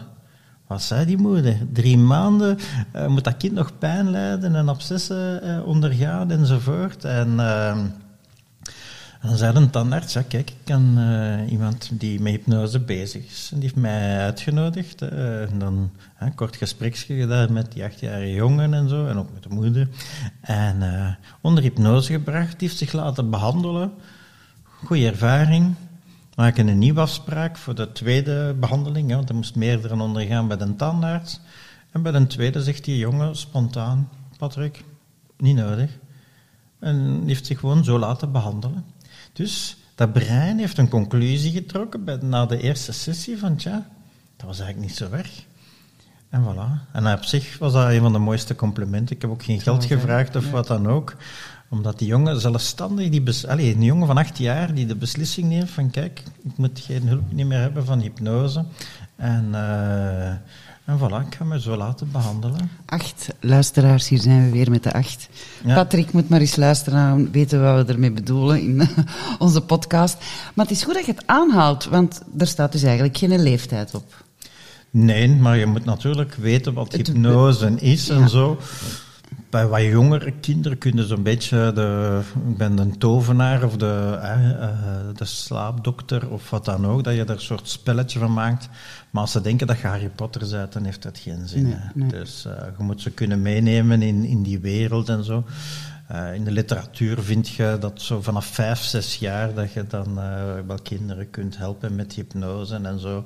Maar of dat je dan het woord hypnose moet gebruiken, is ook niet nodig. Hè. Kun je ook een, van kijk, ontspan u maar en ik neem je mee naar een, bepaald, eh, naar een bepaalde wereld. Ik heb heel wat boekjes rond relaxatietechnieken voor kinderen. Dat begint allemaal, elke tekst die erin staat, begint met sluit je ogen, luister naar mijn stem. En, en eigenlijk is dat puur een hypnoseboek. Ja. Dus eigenlijk doen we het elke dag. Eh, ouders zijn misschien met die boekjes bezig thuis om hun kinderen zo in slaap te praten. Oh, zij zijn misschien de beste hypnotiseur. Alleen gaan ze misschien niet die boodschappen meegeven eh, die we soms nodig hebben om ons gedrag aan te passen of wat dan ook, hè, of ons probleem aan te pakken. Wat is zo de gekste vraag dat je ooit al eens gekregen hebt? De gekste vraag. Hm. Met hypnose. Mocht jij iets anders ook vertellen? ik weet niet wat jij er wil delen met ons. Hè? Goh, waar heb ik... ehm, ik ben al uitgenodigd geweest om naar bepaalde eh, donkere clubs te gaan, bij Ja. wijze van spreken, Ja. in Nederland. Eh, ik had ooit eens een voorstelling gedaan eh, ehm, eh, aan de Universiteit van Eindhoven, denk ik dat het was, of was het van Utrecht? Of Tilburg, Tilburg. En... en ik had in mijn presentatie, ik had een hele presentatie met alle soorten hypnose, waar wordt het allemaal toegepast. En ook heb je ook bijvoorbeeld ja, erotische hypnose, heel populair in eh, Japan. Eh, heb je zelfs televisieprogramma's, eh, waar dat ze oefeningen doen en zo. Je moet dat wel eens uitleggen. Hè? Erotische hypnose? Ja, eigenlijk, erotiek werkt met heel veel met fantasie. Ja. En natuurlijk, als je je fantasie werkelijkheid kunt laten worden, waardoor hypnose, allee, waar hypnose eigenlijk het hulpmiddel voor is, dat is eigenlijk fantastisch. Dus je laat eigenlijk door hypnose heel die fantasie plaatsvinden? Ja. Oké. Bijvoorbeeld, wat ik doe tijdens een show is met zo'n voodoo-pop. Ik denk dat ik hem zelfs bij heb. Ik heb zo'n Ah, voodoo, ik heb ja. zo'n voodoo-popje bij. En als ik die dan kittel, dan voelt die persoon Ah, dat ja. ook. Ik doe Ja. die arm naar boven, dan gaat die arm naar boven, naar beneden. Maar in Japan hebben ze dan zo'n grote teddybeer van twee meter. En dan gaan ze met hun hand strelen op bepaalde zones. En dan zijn er allemaal mensen onder Oké. hypnose. Die voelen dat allemaal aan hun eigen lichaam. En zo prikkelen ze die. Eh, er bestaan zelfs boeken over, over erotische hypnose. Om met je partner leuke spelletjes te doen. Maar ja, het hypnotiseren is al niet zo eenvoudig. Laat staan dat je dat dan al direct kunt toepassen. Maar daar bestaan hele communities rond. En, eh, en eh, ik had dat ook in mijn presentatie gezet over. Hè, je hebt hypno forensische hypnose hè, in, de, in de onderzoeken of in de research naar eh, criminele feiten en zo. Gelijk bij de Bende van Nijvel hebben ze dat ook gedaan. En je hebt de showhypnose, je hebt de therapeutische en zo. Ik probeer er nu ook hypnose in de kunst in te voeren. En, eh, en voilà, daar stond de erotische hypnose. En één keer kreeg ik een mail na, die, na die een paar dagen later, van een of andere persoon die die voorstelling had, ge- of die voordracht had gezien. En, eh, die vroeg of dat ik niet eens eh, naar een, eh, een eh, club zou komen eh, eh, om daar eens hypnose te demonstreren in de erotische sfeer. Dus, Ik vind het wel speciaal, want in die club zouden zeggen, daar voeren ze het echt uit. Maar die wouden echt de fantasie... Oei, Nee, nee, nee, het was echt een club. Hè, waar ik werd Ja, echt ja. uitgenodigd door die club. Hè. Ja, maar ja, Dus, die club zouden Dus ik heb daar een soort show gegeven, een Ja. beetje in hun leefwereld. En, ja, het is natuurlijk niet, niet mijn leefwereld, maar bon, ik heb dat wel eens gedaan om ook eens die ervaring te hebben enzovoort. was niks met naakt of zo. Hè. Dus Nee, mensen nee. moeten nu niet te wild gaan denken of wat dan ook. Hè, maar je kunt bijvoorbeeld zeggen, eh eh, je handen zijn vastgebonden hè, en die Ja. pakken aan elkaar en krijgt ze niet meer los. Hè. Ja. En je voeten zitten vast, hè. of je handen zitten nu vast tegen elkaar en nu kan ik je kittelen op afstand. Dus dat meer zo die, die spelletjes Ja, die je dan kunt doen. eh, ja, eigenlijk ja, fantasiespelletjes. Je zou eigenlijk kunnen zeggen van kijk, als je wakker bent, denk je dat ik Brad Pitt ben. En als je natuurlijk fan bent van Brad Pitt, ja, dan kun je dat echt beleven. Hè. Ik zeg altijd, als ik een partner... eh, ik heb nu op dit moment geen partner, maar ik zou kunnen zeggen, ene avond ben ik Leonardo DiCaprio, de volgende avond ben ik Brad Pitt en de andere avond ben ik Harry Styles. Dus, maar dat zou eigenlijk dus allemaal kunnen. Hè. Dus, dus vandaar eigenlijk een heel interessant gegeven, maar natuurlijk erotiek is niet zomaar toegankelijk voor iedereen. Nee. Hypnose is eh, nog een beetje taboe, dus laat staan dat twee samen. eh. Dus dat is denk ik zo'n beetje de meest bijzondere vraag dat ik eens eh, gehad heb. Je je zei daar net ook over het, eh, het connecteren met de kunst. Eh, daar had ik ook iets over gevonden. Ehm, welke artiest was het nu weer? Daardoor, de, het Dadaïsme, en daar is het boek geschreven. Wacht, moet even spieken. Hè. Het manifest van surrealisme heeft hij volledig onder hypnose. En dat Ah. was. Ja? Nee, nee, ik weet het niet. Dat is een nieuw gegeven voor mij, maar dat kan. Eh, Brayton of zo, of Brayton, ik weet het niet. Maar die- ik was het gaan opzoeken, hoe zit dat met de kunst? En die heeft onder hypnose Ja. het manifest van surrealisme geschreven. Ah, je hebt ondertussen al verschillende projecten gehad in, eh, in de muziekwereld. Je hebt bijvoorbeeld een plaat, eh, vraag me nu niet meer de uitvoerder, maar eh, waar het eerste nummer dat je, dat je opzet, waar dat je in hypnose wordt gebracht, om dan de muziek die daarop volgt op een heel andere manier te gaan beleven. Eh, er is bijvoorbeeld eh, Herzog, een Duitse regisseur, heeft eh, in denk 76 of in 78 een film gemaakt met allemaal acteurs die gehypnotiseerd werden. Dus die al die rollen gespeeld hebben onder hypnose. Dus ja, je ziet wel wat toepassing, maar nog niet genoeg, vind ik. En, eh, maar zo heb ik ook voor de Kunstacademie van Amsterdam ooit eens een project gedaan waar dat ik eh, studenten moest hypnotiseren. En onder hypnose moesten ze het onzichtbare gaan fotograferen. Dus die liepen door de gebouwen van hun school rond of van de universiteit en de namen van allerlei foto's. En de dag daarna werden andere studenten gehypnotiseerd. Op straat gingen ze mensen halen om een publiek te hebben. Dus die hadden een soort theater eh, in hun gebouwen. En de mensen mochten dan komen om dan eens te kijken hoe dat studenten onder hypnose hun emoties gaan vertellen bij het bekijken van die foto's die onder hypnose zijn gemaakt. Allemaal heel abstracte foto's, uh, dikwijls vloe, onscherp, uh, van hoekjes van een kast, van een, van een trap of wat dan ook. En die anderen die, moesten dan vertellen hun emoties. Dus dat is een heel abstracte uh, ja, oefening. En, maar het was super interessant om te doen, omdat je op een heel andere manier ja, uh, een, een, project benadert. Ja, want ik hoor u dat zeggen, dat is eigenlijk een beetje onder die hypnose, dat je weggaat van dat bewuste rationele en dat je eigenlijk ook dichter bij je emoties komt. Is het dat ja, wat je juist zegt? Ja, uw pure, hè. Ja. Gelijk echte artiesten ook hun gitaar kunnen kapot kloppen als ze een bepaald liedje ja. zingen, omdat ze zo terug kwaad worden en daar helemaal in opgaan. En dat is het, hè. Dat is terug dat herbeleven, hè. Dus eigenlijk kunstenaars zijn heel goed te hypnotiseren.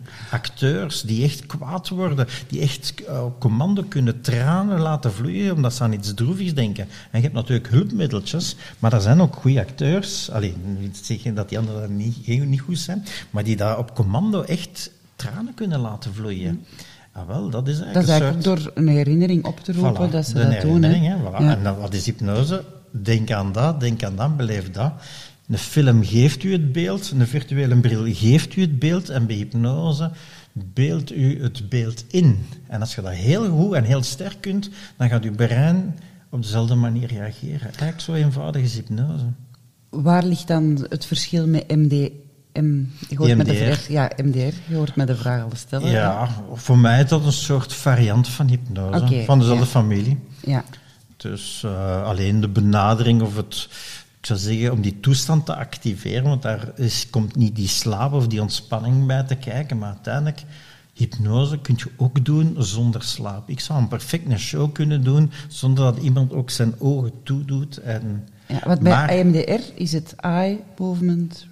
Ja, ik weet het niet. ja. ook niet, de, de afkorting eh, daarvan. Maar, eh, ja, maar als je ziet hoe dat ze de zaak be- benaderen, ook gelijk met EFT, je hebt ook zoiets. Dat zijn voor mij eigenlijk een beetje varianten van, van hypnose. Maar bon, ik ken er te weinig van, Ja. van hun om daar echt met zekerheid eh, te beweren. Maar als ik zie en hoor hoe dat, dat be- ook zo met die tikken en zo, precies dat we het Ah, bepaalde ja, ja, punt- tapping, tapping. ja, precies dat we met bepaalde punten. Nee, voor mij is dat een soort ritueel, gelijk een mama's kusje. Als mama dat kusje geeft, dat is een bepaald ritueel. Als in de, in de jungle mensen eh, een dansje doen en drie kippenpootjes op je gooien en wat kruidjes op je doen en een keer voelt je je meter, dan is dat een bepaald ritueel. En zo doet een hypnotiseur ook een soort ritueel om die toestand te activeren, waardoor dat je doel bereikt. Bij de ene gaat zich plots voelen, bij de kleine gaat de pijn weggaan. En plots hebben we dat nodig om, eh, om geholpen te worden bij die of die therape- therapeutische behandeling. En dan komt ons brein in die juiste modus te staan om die verandering toe te laten. En dat is gewoon een ander soort ritueel. Ja, maar Eh, ritueel heel boeiend, want het komt eigenlijk in heel veel, ik ben zo onderzoek aan het doen, in heel veel therapieën voor. En wij onderschatten het belang van rituelen. Ja. Ik, denk, ik, ik geloof ook niet, we, vele eh, boeken en ook vele cursussen hebben het over hypnose-technieken. Voor mij is een techniek, als ik op die knop duw en dan die knop, dan moet dat gebeuren. En nogthans, er zijn heel veel mensen die een boek kopen of naar een cursus gaan en doen letterlijk, ik moet nu dat pendeltje voor zijn ogen houden en dat zeggen en dat zeggen en er gebeurt niks. Waarom? Daar ontbreekt die een ene onbekende factor.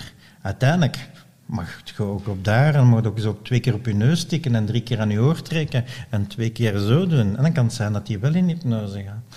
Dus voor mij gaat het, het, eh, is het ritueel dat er voorafgaand veel belangrijker en de verwachting van die persoon om dan dat brein naar die toestand te krijgen. Dus ik geloof meer in hypnose-rituelen, maar rituelen heeft al, dat klinkt dan weer zo zweverig en dan zitten we in de spirituele wereld. Maar nee, mensen onder, zelfs een tattoo laten zitten, we laten nu even met de voetjes, dat is ook een ritueel. En rituelen worden ingezet op begrafenissen, trouwen, ook, dat zijn ook rituelen. Ah, tuurlijk, tuurlijk. Maar mensen gaan al heel snel Ja, ja, meer ja, in de spirituele. bijstaan, ja, ja, ja. De kerk hè, heeft zijn rituelen, maar ook een schild. Vroeger de ridders met hun schild. Hey, dat is mijn vlag van mijn koninkrijk, Mhm. hè, van mijn koning. Ik ga die verdedigen. En die zijn zo overtuigd dat zij daar eh, het, het land mee gaan redden. Dat is ook een ritueel. Ritueel, ja. Een logo. Het logo van Apple en zo. Vele mensen vinden dat cool, hè, dat te hebben. Of Nikes. Of, dat, dat zijn... Dat is maar een stondtekening, hè? Maar de betekenis, de- Ja. dat hogere dat daarachter zit. Vandaar dat ik heel veel belang hecht aan, aan, aan logo's, aan kleuren die je kiest voor je, voor je business. Hè? Mensen die met, met, met een business bezig zijn. Kies niet zomaar. Zorg dat je daarachter staat. Het leven in die sfeer. Gelijk ik, ik heb alles met spiralen. Ik heb kaarsen aan met spiralen. ik kan het eens misschien laten Ja, zien. ja, als ja, ik ja, een laat beetje mag jongleren. Ja, tuurlijk. Hoppakee. Enzovoort. eh. Ja, uw trui, uw onderbroek gingen we niet laten zien, Nee, hadden nee gezegd. inderdaad, enzovoort. dus ehm, ja, het is, het is eigenlijk door zo die bezetenheid te, te, te hebben, dat je ook eigenlijk die passie kunt laten zien aan de buitenwereld. Het is ook een vorm van verbinding. Voilà, en dat is eigenlijk mijn ritueel. Door dat te doen en zo, ben ik de Patrick Picard die dat Ja. de mensen eh, kennen. En eh, ja, het is eigenlijk een beetje die, ja, die bezetenheid die je moet krijgen door, door zo'n ding eens te doen. Hè. Ook het spel dat ik ontwikkeld Ja, heb, het eens staat hier. Ja. is ook weer heel belangrijk, die spiraal, de zwart-wit en zo, het contrast tussen de donkere wereld die we soms associëren met hypnose, maar ook de witte wereld, want het bestaat. Hè. Het is iets psychologisch. Ja. En, eh, en ook daar was een beetje de boodschap van... Iedereen heeft als kind eens geprobeerd eh, eh, mensen te hypnotiseren. Nou, wel, ik heb dat in een spel doodgestoken. En uh, ja, ik denk, en ik hoop ook dat mensen daar dan over hypnose gaan praten, dat ze dat spel spelen van, gelooft jij in die bullshit? Ah nee, maar ik heb dat al gezien, ik heb het al gedaan, of mijn broer is gestopt met roken door hypnose. Ah ja, echt? En zo hoop ik, want ja, mensen gaan alleen maar over hypnose praten als ze het zien op tv, of wat dan ook, of als ze misschien eens naar een show gaan. Maar degenen die daar geen interesse in hebben, die gaan niet naar een show gaan. Dus hoe bereikt je al die mensen die daar niet voor openstaan of daar niet in uh, mee zijn? Ah, wel, bijvoorbeeld via een gezelschapsspel dat iemand speelt of wilt spelen enzovoort via de kunst. Hè. Dus daarom met die kunstprojecten probeer ik uh, uh, hypnose onder de aandacht te brengen. Ik heb een nummerplaat met hypnose. Dat is juist, want we zijn alle twee in hetzelfde programma geweest. Hè? Ah ja. Uh, hoe noemde dat programma nu weer? Met, Vanity Plates. Vanity Plates, ja. Ah, ja, ja. Weet je daar ook? Ja, ah, even kijk. En uh, well, ja, dus ook als mensen die een auto zien, gaan ze over hypnose ja. praten. Ah, kijk, die, dan komen rijden ze langs mijn auto en dan willen ze mij hypnotiseren en zo. Dus begin te leven. Mensen gaan erover praten. En dat is een beetje een deel van de missie. Uh, ik weet niet waarom we plots die zijsprong gemaakt hebben van, die, ah, van, van rituelen. Dus ja, hypnose. Voor mij gaat het over de rituelen om iemand in hypnose te krijgen en niet techniek. Een techniek, dan moet je van A tot Z iets toepassen en dan werkt dat bij iedereen en altijd en door iedereen. Maar toch ja, is dat niet zo. En vandaar het ritueel. En dat moet je een beetje begrijpen. Dat, is een, dat vraagt een beetje een abstracte psychologie. En, ja, en als je dat door hebt, dan snap je wat hypnose of hoe dat hypnose werkt. Dus. Is er nog iets dat we moeten weten? Ik hoor u hier vol passie en opgewonden spreken. Ik kan nog veel vertellen. Ik, natuurlijk, omdat we soms die zijsprongen maken naar ja, een ander thema. Nee, nee, nee, nee, nee, nee, maar om ook in die kunstprojecten uh, te blijven. Uh, ik heb ooit eens twee studenten binnenhuisarchitectuur gehad. Die wouden een, een gebouw ontwerpen. Maar ja, ze zeggen altijd, we pakken een gebouw in ons hoofd en we beginnen een bestaand gebouw te misvormen. We willen een keer aan niks denken, van ja. scratch. Ah, voilà, die dachten aan hypnose. Kan ons hypnose niet helpen om dat geheugen te wissen of die, uh, die, die, die basismechanismen uit te schakelen? En, uh, en zo gezegd, zo gedaan, hebben we afgesproken. En ik heb onder hypnose bijvoorbeeld gezegd van, kijk eens, dat als ik in mijn handen klap, gaat iedereen om beurt een woord zeggen. En dat ging van tafel, camera, koffiepot, vliegdek, schip, vogel. En elk om beurt. En ik heb al die woorden opgeschreven. En aan de hand van die woorden hebben ze een rode draad gezocht. En op basis van die rode draad hebben ze hun ontwerp gemaakt. Dus, en dat was een, het, ik geloof dat vak abstracte architectuur was. Wel, dat is eigenlijk een heel interessante benadering om eens van een heel andere uh, standpunt te beginnen, om aan een ontwerp te beginnen. Hè. Dus vandaar, er zijn nog heel wat mogelijkheden met hypnose. Ik heb een schilder gehad, die wilde kunstwerken maken onder hypnose. Dus schilderijen maken. Hè. Die was al schilder, kunstschilder. Wel, die heeft onder hypnose een keer eens ja, schilderij gemaakt. Wat hij zou spontaan doen op basis van zijn onderbewustzijn. En dat waren hele andere kunstwerken dan hij gebruikelijk maakte. Hij verschoot er zelf van. Maar ondertussen heeft hij die ook tentoongesteld, verkocht enzovoort. En uh, ja, dat zijn altijd interessante projecten, omdat je ziet, mensen willen het toch gebruiken, willen toch het fenomeen verkennen. En, en zo zijn er nog andere uh, verhalen die ik nog zou kunnen vertellen enzovoort. Uh. Maar we gaan die subiet nog verder vertellen. Ja, ja, maar dat is, uh, of, men, of reacties van mensen, hè, dat ja. heb ik ook al gehad. Hè, dat, dat, dat mensen u als een soort pact met de duivelfiguur be, figuur bekijken. Hè. Nog altijd de 21ste eeuw. Daar kan ik ook uh, tiental anekdotes van vertellen. Vertel, vertel. Maar bijvoorbeeld, ik was ooit eens op een, uh, ik had een show gegeven in een feestzaal en, uh, en zoals ik zei, na de show ga ik nog altijd even met de mensen praten van hey, alles oké okay, en dit en dat, kaartjes uitdelen, visitekaartjes. En ik kom bij een jongen die op het podium was en ik geef hem een kaartje. En zijn vriendin daarnaast pakt dat kaartje af. Ik zeg, ja, maar ik heb ook een kaartje voor u, als je dat wilt. En die pakt mijn kaartje en die steekt dat direct in brand boven, de, boven een kaars. Ik zeg, ja, dit en dat. En dan is iemand naar mij gekomen en die zegt, ja, dat meisje heeft een hele tijd buiten gestaan. Die heeft niet gekeken naar die show, die kon dat niet zien. En dan dacht ik zo, heb ik er eens over nagedacht. Waarschijnlijk, ja, haar vriend is een beetje naar een bescherming. Hè? De, de man is meer zo de, de beschermende figuur in een relatie ook. En, eh, ja, en dat hij waarschijnlijk daar in haar ogen, in haar beleving, daar als een marionet door mij werd behandeld. Ja, dat kwam een beetje waarschijnlijk ja, niet ja, een beetje onverwacht over voor, uh, voor die vriendin. En ja, die was helemaal uh, daarvan aangedaan en dacht dat ik iets duivels had. En moest, dus alles wat ik aanraakte, dus ook dat kaartje, dat moest direct verbranden en, uh, enzovoort. Hè. een ander verhaal is... Ehm, ja, ik, doe mijn menselijke plank eigenlijk. Uw dochter dat heeft eens ondergaan. Op een zeker moment met twee uh, hulppersonen tillen we die persoon op en leggen we die op de stoelen. En voordat we die net gaan optillen, komt een man af en die pakt die vrouw mee. Dus het bleek zijn vrouw te zijn. Onder de arm?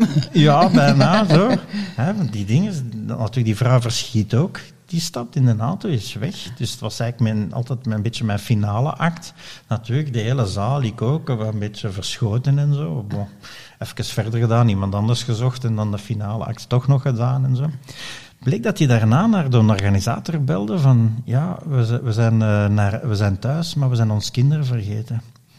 Dus die is vertrokken zo in een, ja, misschien meer in trance dan zijn vrouw, die het onderging. Uh, en dat hij uh, vluchtte en zelfs je kinderen vergeet. Dus dat moet toch ook wel heel straf. Uh, allee, moet je toch al heel uh, in een andere wereld zelf zijn enzovoort. En nogthans, ik geef altijd zoveel uitleg. Ja, want ik, kan me dat nog herinneren. Je hebt dat heel goed gekaderd, vond ik. Je, je, je had dat ook wat onderbouwd. Van wat ga ik doen? En dit is, je legt dat ook, ik vond dat je dat ook heel goed uitlegde. Het verschil. Kijk, dit is maar hè, een show om te laten zien eigenlijk mm -hmm. wat is hypnose. Dus ik vond dat ik vond dat super boeiend. Dus mensen ja, ja. zijn er dan toch nog...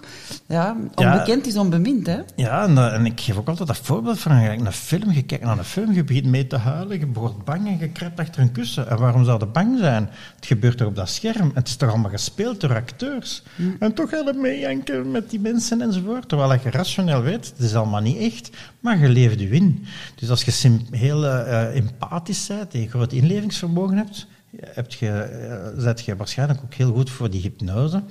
En uh, dus eigenlijk een heel natuurlijk fenomeen. En dat probeer ik echt zo te brengen ook bij elke show. Ik zeg altijd, ik breng geen entertainment, maar ik breng infotainment. Ik probeer mensen ook mee te krijgen en, uh, in het verhaal. En, en, als mensen mij dan herboeken van, ik heb dat gezien, ik heb mijn mening veranderd, ja, dat zijn de mooiste, mooiste complimenten. Hè. Dus ik zeg altijd, ik, doe niet alleen, ik heb alleen niet de mensen die een avond geamuseerd, maar ik heb ze ook iets bijgeleerd. Ja. Ze gaan naar huis met een ander beeld over hypnose. Maar zonder hun kinderen. Ja, inderdaad. Ik heb er ondertussen al twintig thuis nu. Uh, uh, dus als er mensen moeten hebben, uh, kinderen moeten hebben. Nee, maar ja, dus je ziet ook al, licht geduid, ook al, ja, voor sommige mensen lijkt dat heel abstract. En dat is soms moeilijk misschien vanuit mijn kennis en vanuit mijn ervaring nog zo, om, uh, om zo naar die situatie te kijken. Dus er is nog wat werk aan de winkel. Ja, het is en vandaar dat ik graag ook in die podcast zit, om dat ook nog eens weer opnieuw te kaderen. Zeker op Wereldhypnosedag, waar we dat moeten extra onder de aandacht brengen. Uh, ja, een beetje ja, helpen dat taboe te Ja, ik wou daarnet zeggen, je hebt al de shows, je hebt je spel al, je hebt de gadget.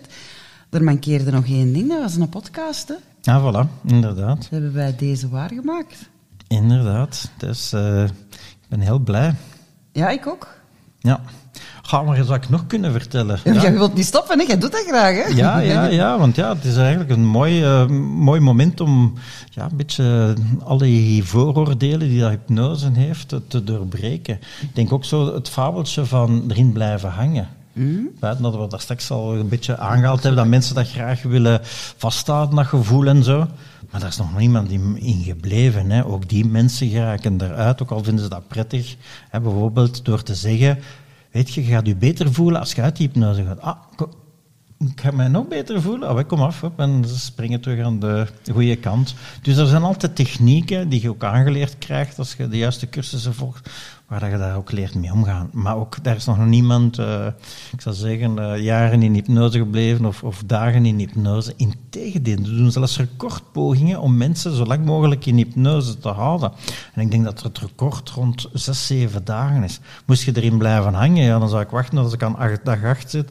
Acht, ik... zijn we weer, ja, oké. Okay. Voilà, en dan, uh, en dan bel ik het recordboek op en dan kunnen ze het komen vaststellen, bij wijze van spreken. Maar uh, zo, zo werkt het niet. Hè. Dus het is een toestand tussen wakker en slapen. En ofwel gaat je naar een natuurlijke slaap en dan word je op een natuurlijke manier wakker, of je verliest de focus en dan vloept je er vanzelf uit. Maar daartussenin blijven hangen, dat bestaat dus niet. Misschien is gewoon om af te sluiten. Je vertelt nu over een man die zijn, eh, zijn kinderen vergeet, over iemand die je kaartje. Misschien mm. is het gewoon... Uh, iemand die positief reageerde op wat je voor die persoon betekend hebt, is een schone om af te sluiten. Goh. Maar ik denk het voorbeeld met dat kind. Hm, ja. Nee, maar zo heb ik er heel veel. Hè. Mensen die. Uh, ja. Ik, ik heb verschillende keren nu. Uh, het zijn bijna allemaal twaalfjarige kinderen. die schrikken van honden. En ik treed altijd in de zomer op op vakantieoorden in Frankrijk. Ik noem het altijd Tour de France in de plaats van de Tour de France. En dan trek ik door Frankrijk. Uh, en ja, sommige mensen zijn zo weet je, gefrustreerd dat hun kind schrik heeft van honden, want ja, ze kunnen niet meer rondlopen. Dat kind springt op straat en zo.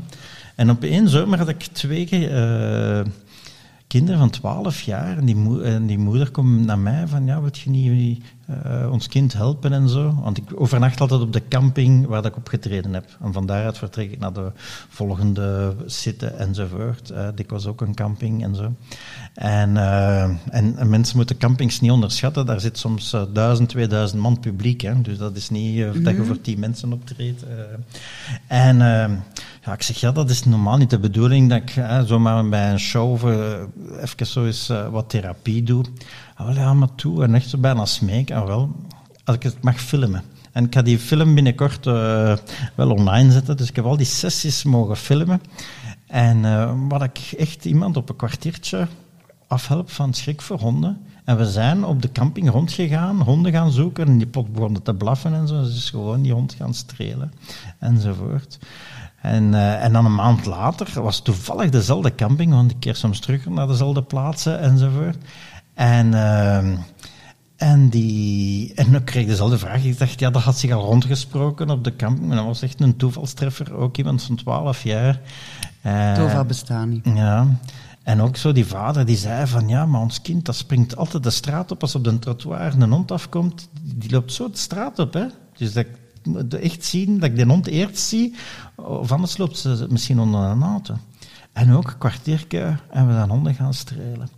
En nu, onlangs, waar in mijn praktijk ook iemand van 12 jaar, uh, uh, vader komt met de, met de dochter af. En we zijn ook in de gemeente, na de sessie, het was op een, op een avond, wat honden gaan zoeken. En daarna kreeg ik een mail van die vader. Ja, je hebt onze dochter enorm geholpen. En nu wil ik zelf ook voor iets geholpen worden. Dus ja, dat is eigenlijk een mooi compliment. Hè? Want ja, in het begin ja, gaat dat werken, gaat dat niet werken. Ook vanuit die ouders, die zijn gefrustreerd. Ja, dat kind is ondertussen al twaalf jaar. Hè? Dat is niet dat dat nog geen levenservaring heeft. Honden zijn er overal.